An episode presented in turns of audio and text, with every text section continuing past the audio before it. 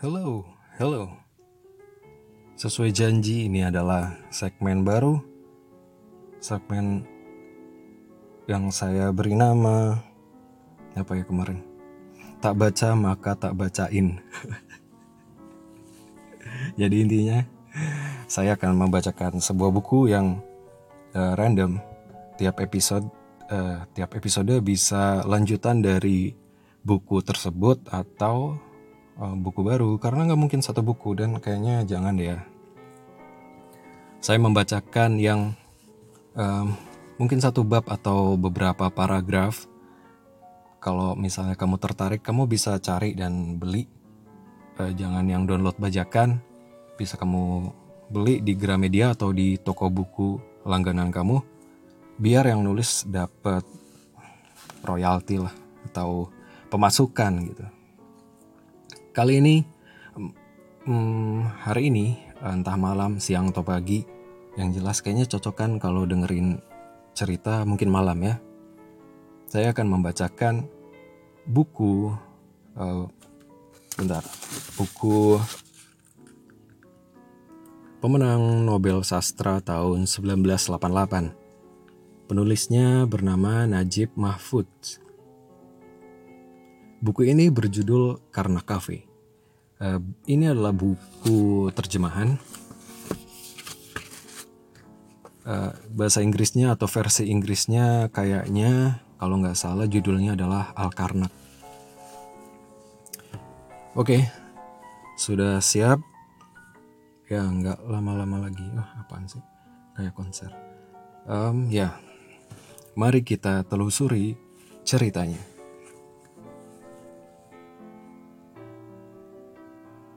Gurun Fula Tanpa sengaja aku datang ke kafe Karnak. Suatu hari aku berjalan di jalan Al-Mahdi guna memperbaiki jam tanganku yang ternyata menghabiskan waktu beberapa lama sehingga aku mesti menunggu. Untuk mengisi waktu, aku putuskan melihat-lihat beraneka ragam jam, perhiasan, sekaligus pernak-pernik di ruang etalase beberapa toko yang berada di kedua sisi jalan tersebut.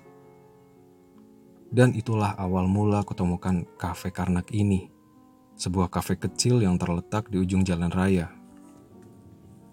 Sejak saat itu, kafe ini menjadi tempat favoritku untuk sekedar duduk serta menghabiskan waktu.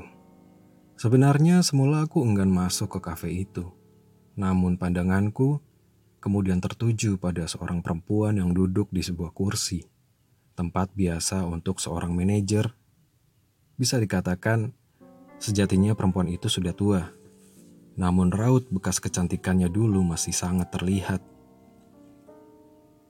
Saat pandanganku kian dekat, sosok perempuan itu menyentakku pada suatu kenangan yang telah lama hilang. Seluruh bayangan itu tiba-tiba mengalir kembali Berbarengan dengan itu, aku mendengar suara musik dan drum. Aku duduk di pojok sembari menyaksikan sesosok tubuh indah bergoyang ke sana kemari. Udara dipenuhi semerbak aroma wewangian. Ya, penari. Wanita itu adalah seorang penari. Tidak salah lagi. Dialah bintang dari Imaduddin itu. Dialah Korun Fula. Sekarang ia duduk di bangku itu. Benar-benar Korun Fula bida dari impian era 1940-an. Itulah sebab mengapa aku kerap datang ke kafe Karnak ini. Aku merasa ada dorongan kekuatan magis yang aneh dan seberkas perasaan bahagia. Lebih dari itu, alasan terbesar adalah lantaran kehadiran seseorang yang bahkan tak pernah mengenalku. Kami tak pernah memiliki hubungan apa pun, baik hubungan cinta ketertarikan, ataupun sekedar basa-basi. Perempuan itu dulu benar-benar pernah menjadi seorang bintang. Sedang aku hanyalah orang yang sebaya dengannya. Ia tampak sama sekali tak terpengaruh oleh sekilas pandangan kekagumanku padanya yang masih terlihat sebagai sosok anggun. Sehingga aku tidak merasa punya alasan untuk mendekati ataupun menyapanya. Jadi aku hanya duduk serta melihat-lihat sekeliling kafe ini. Kafe ini terlihat sederhana, terdiri dari satu ruangan besar, ditata rapi dan teratur. Dindingnya diperelok dengan wallpaper, kursi dan mejanya tampak baru. Kaca cermin menghiasi sekelilingnya. Juga lampu yang berwarna-warni.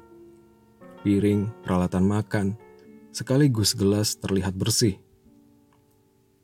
Jelasnya, Daya tarik kafe itu sebagai tempat bersantai benar-benar tak dapat disanggah. Setiap datang kesempatan, aku berlama-lama menatap kurun fula. Pesona kewanitaannya semasa silam memang telah sirna. Tentu saja bersamaan dengan berlalunya masa remaja. Namun, pada dirinya masih tersisa kecantikan yang membius. Ditambah air muka penderitaan yang menyentuh hati siapa pun. Tubuh Kurun Fula masih tetap luas dan langsing, memberi kesan dia tetap segar dan energik saat dibutuhkan. Itu semua menunjukkan ia sangat hati-hati menjaga kekuatan diri. Buah dari pengalamannya sekaligus kerja kerasnya selama bertahun-tahun. Ketenangan jiwa yang ia pancarkan merupakan puncak daya pikatnya. Pandangannya yang sepintas lalu tak jarang menyapu seluruh ruangan membuat bartender, pelayan, serta tukang bersih tetap berada di tempat mereka bertugas. Untuk beberapa aturan, tampaknya Kurun Fula punya pengaruh cukup besar. Tempat ini kecil sehingga membuat mereka semua yang ada di sini bagi satu keluarga. Ada tiga lelaki tua yang barangkali sudah pensiun dari pekerjaan mereka. Seorang laki-laki setengah baya dan sekelompok anak muda termasuk seorang gadis yang sangat cantik. Semua ini membuatku merasa asing. Tentu saja aku cukup senang, namun aku masih mendapat kesan entah kenapa aku seakan terpaksa. Ya Tuhan, aku bergumam, padahal aku sungguh-sungguh menyukai tempat ini. Kopinya luar biasa, airnya bersih, cangkir dan gelasnya pun selalu bersih. Lebih dari itu, ada kenangan manis tentang Kurun Fula. Belum lagi sikap ramah para lelaki tua. Juga suasana yang amat hidup yang dibawa anak-anak muda itu ke dalam kafe. Tak ketinggalan si gadis cantik. Kafe ini berada tepat di tengah kota besar. Tempat yang cocok bagi pengembara sepertiku yang butuh sekadar bersantai sejenak. Di sini siapa pun bakal merasakan pelukan hangat masa lalu dan sekarang keindahan masa lalu, dan keagungan masa depan. Dan yang terpenting, ada daya tarik dari sesuatu yang tak ku ketahui asalnya, yang akhirnya membuatku ke sana. Berawal dari hanya niatan memperbaiki jam, namun kini kutemukan diriku mengalah pada berbagai bentuk kegilaan. Walhasil, Kafe Karnak dapat menjadi tempat singgah dan bersantai saat ada kesempatan. Kala itu aku sangat terkejut. Kurun Fula nyata-nyata menghampiriku, menyambutku sebagai pelanggan baru. Dia bangkit dari tempat duduknya, lantas mendekatiku. Dia mengenakan celana biru tua dan blus putih. Saya senang sekali melihat Anda datang ke sini, katanya sembari berdiri tepat di depanku. Kami berjabat tangan dan aku berterima kasih atas sambutannya. Apa Anda suka kopinya? Dia bertanya. Sangat suka, jawabku jujur. Paduan yang luar biasa. Dia tersenyum puas dan memandangku sesaat. Saya mendapat kesan. Ia melanjutkan ucapannya. Anda telah mengenal saya sebelumnya. Benar begitu? Ya, jawabku. Siapa yang bisa melupakan kurun fula? Kalau begitu, Anda pasti ingat perihal apa yang saya lakukan untuk seni. Tentu saja, Anda lah orang pertama yang melakukan pembaruan pada tari perut. Pernahkah Anda mendengar ataupun membaca berita tentang seorang yang mengakui hal itu sebagai fakta? Terkadang ada banyak bangsa mengalami hilang ingatan. Aku menimpalinya dengan perasaan canggung, namun tak pernah bertahan selamanya. Bagus sekali, sahutnya. Tapi sayang, itu hanya omong kosong. Tidak, apa yang baru saya katakan memang benar. Aku ingin sekali keluar dari situasi tak nyaman ini. Maka aku segera mengatakan, saya harap hidup Anda akan senantiasa bahagia. Itulah yang paling penting. Dia tertawa. Ya, sejauh ini. Ucapnya. Sepertinya bakal berakhir bahagia. Setelah itu, ia membalikkan badan dan kembali ke tempat duduknya. Namun sebelumnya, ia mengucapkan kata-kata padaku. Hanya Tuhan yang tahu rahasia itu. Akhirnya kami saling mengenal satu sama lain. Perkenalan yang cukup sederhana. Perkenalan yang membawa kami pada bentuk persahabatan baru. Sesuatu yang telah terus memberiku banyak kebahagiaan. Sesuatu yang memiliki arti baru. Namun di balik itu, ada romansa yang membawa kembali ke 30 tahun silam, bahkan lebih. Pertemuan dan perbincangan kami terus berlanjut hingga terjalin pertemanan sejati. Dulu, dia aku kenal sebagai penari cemerlang dan indah. Sekalipun begitu, pada saat yang sama, ia selalu menjadi figur santun. Anda dulu penari luar biasa, ujarku padanya dan hingga kini masih tetap sanggup menjaga kehormatan. Bukankah itu sesuatu yang menakjubkan? Sebelumnya saya, penari perut, melibatkan 3B, belly, perut, basem, dada, botok, pantat, sahutnya bangga. Saya mengubahnya ke dalam sesuatu yang lebih bercita rasa. Bagaimana Anda melakukannya? Saya memastikan untuk tidak pernah lalai pada komunitas tari malam di Albargula, tuturnya. Seraya menggoyang-goyangkan kepala, seakan mengikuti nada. Ihwal kehormatan, lanjutnya. Saya membuat orang lain tahu bahwa saya tidak pernah membiarkan adanya hubungan tanpa melibatkan ketulusan cinta. Atau saya tidak akan pernah bercinta dengan seseorang yang jika tidak ada ajakan untuk menikah. Hanya itu, aku bertanya dengan penuh kekaguman. Jika masyarakat sudah menghormati saya, ia meneruskan dengan tertawa. Bukankah itu sudah cukup? Aku mengangguk setuju. Ia bergumam sesuatu yang aku tak bisa mendengarnya. Lantas berkata, Cinta sejati akan selalu memberi legitimasi bahwa suatu hubungan jauh dari kegagalan, sehingga tak satu pun surat kabar menjelek-jelekan nama Anda. Benar, bahkan majalah terjelek sekalipun. Itu yang menyebabkan banyak lelaki bertukuk lutut di hadapan Anda. Ya, lanjutnya sembari menghela napas kehidupan malam memang dipenuhi tragedi. Saya masih ingat kasus Kementerian Keuangan. Sst. Ia menyela dengan berbisik.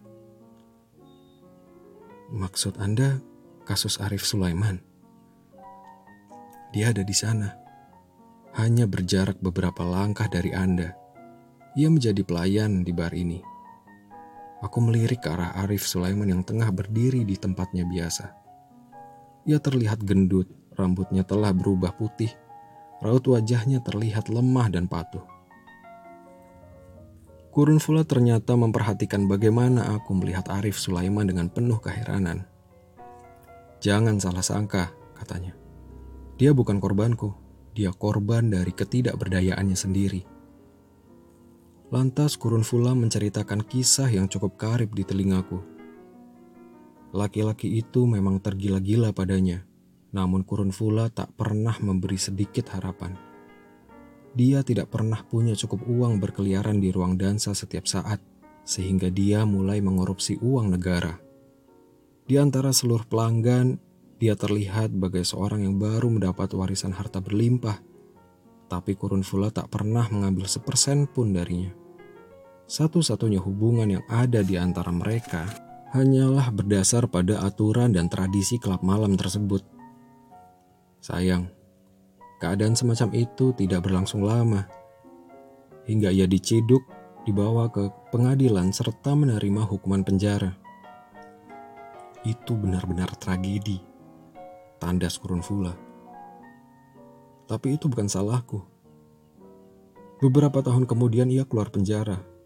Muncul kembali di klub malam dan bilang padaku bahwa hidupnya telah hancur. Aku merasa kasihan padanya, juga sedikit mengkhawatirkannya. Aku bicara pada pemilik klub demi kepentingannya, sehingga dia mendapatkan pekerjaan sebagai pelayan. Sewaktu aku berhenti menari, aku membuka kafe ini.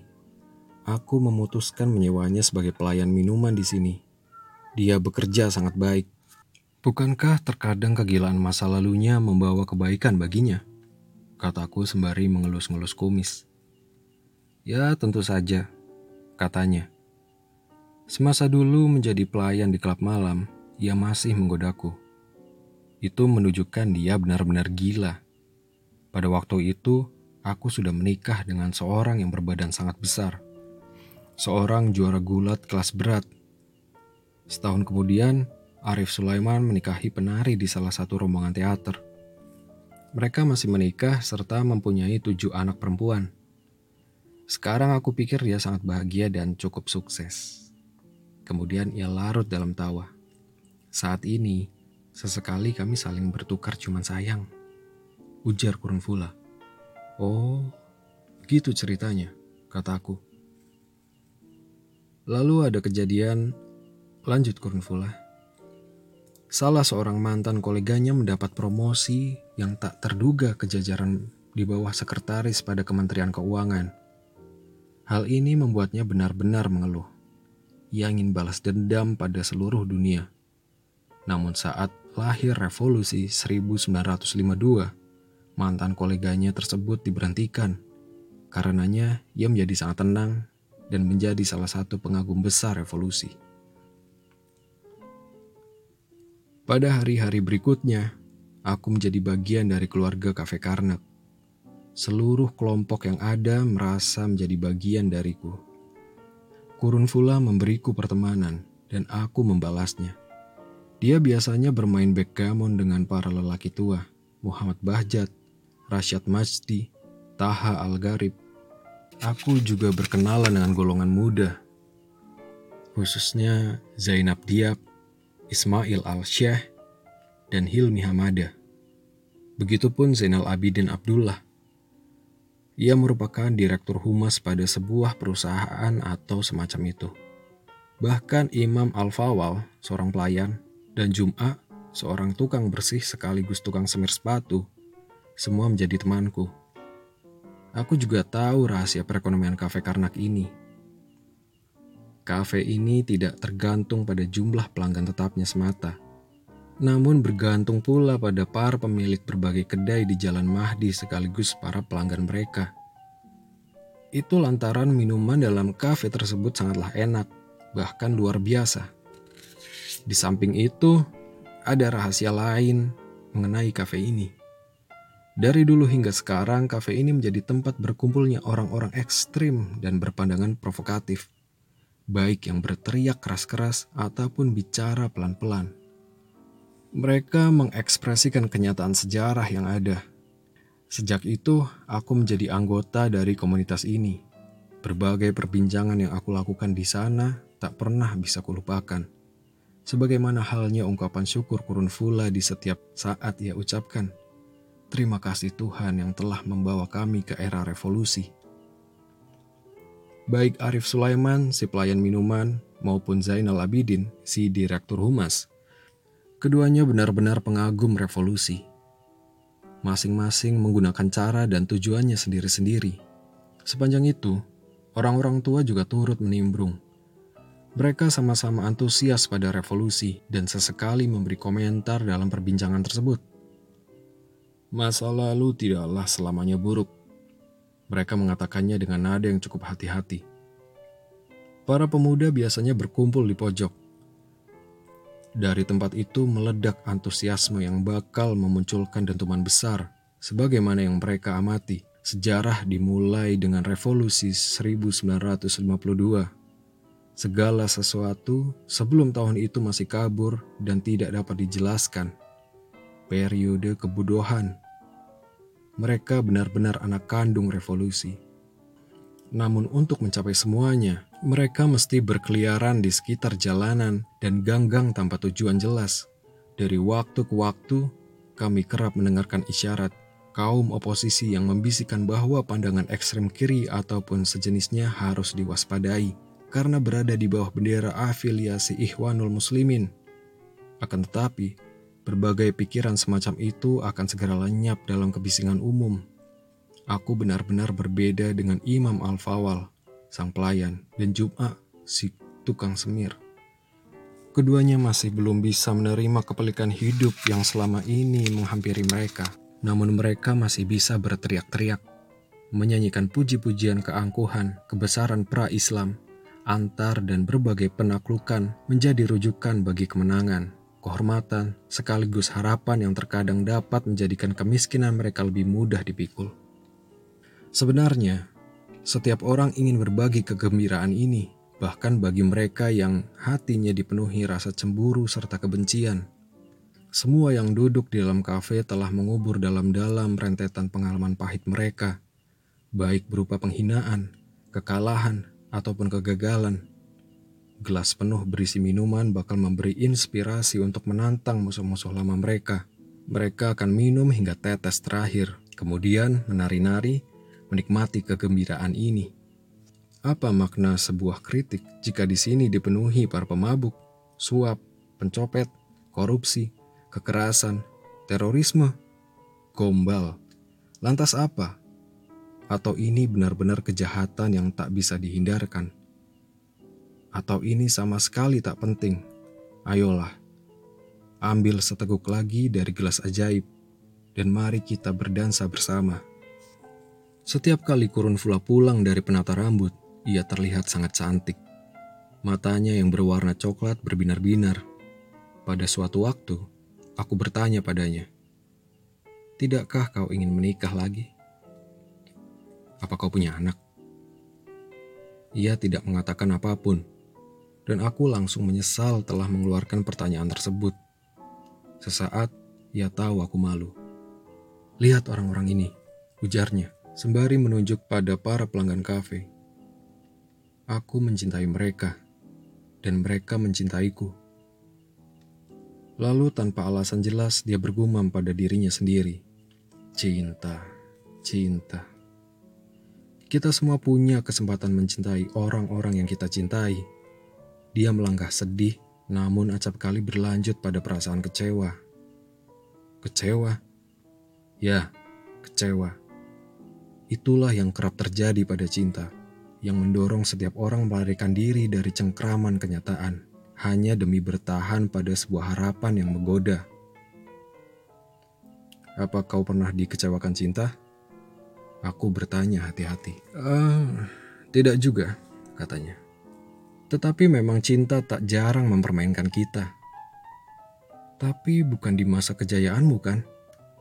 Oh, itu bisa terjadi kapan saja. Aku ingin mendengar lebih banyak lagi, namun ia memutuskan untuk tidak menghiraukan rasa ingin tahuku.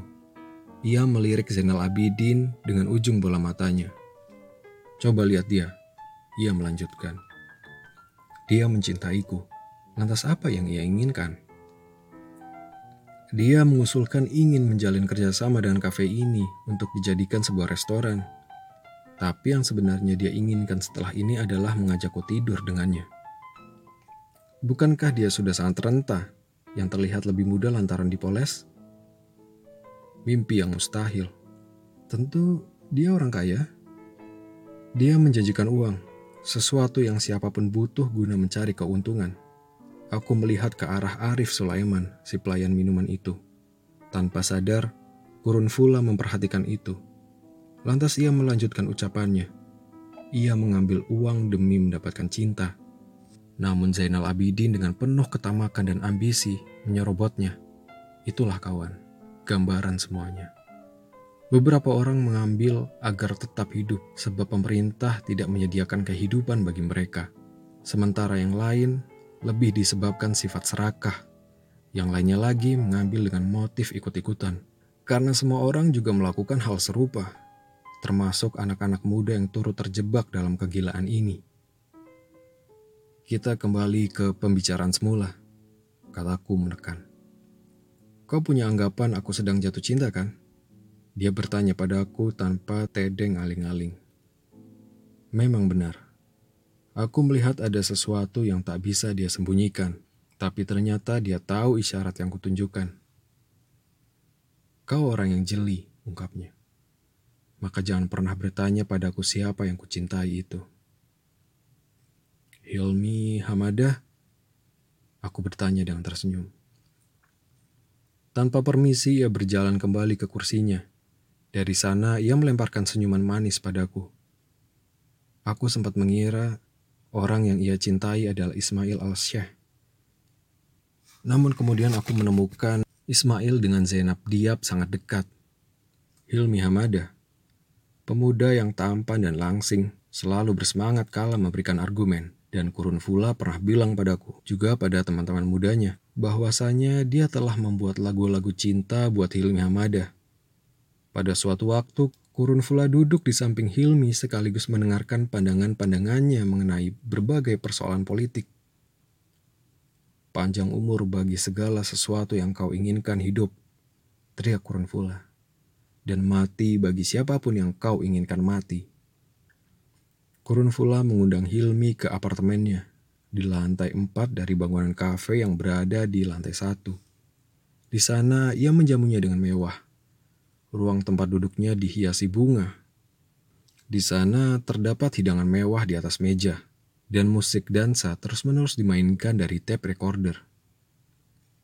Ia mencintaiku juga katanya padaku dengan penuh percaya diri. Kau harus yakin itu. Ia berhenti sejenak, lantas melanjutkan kata-katanya dengan nada serius. Tapi sebenarnya ia tidak tahu seberapa dalam cintaku padanya. Lalu tampak sekilas kegusaran di wajahnya. Aku merasa suatu hari kelak ia akan pergi dan menghilang untuk selamanya. Terus, siapa yang bakal menggantikannya? Kata-kata itu keluar dari mulutnya seraya mengangkat bahunya. Kau sadar dengan apa yang terjadi, namun kenapa tetap bersikukuh memilih jalan ini? Ah, itu kata-kata yang cukup konyol, tapi juga menggambarkan bagaimana hidup sebenarnya. Atas nama kehidupan, aku berkomentar sembari tersenyum. Izinkan aku ucapkan rasa salutku padamu.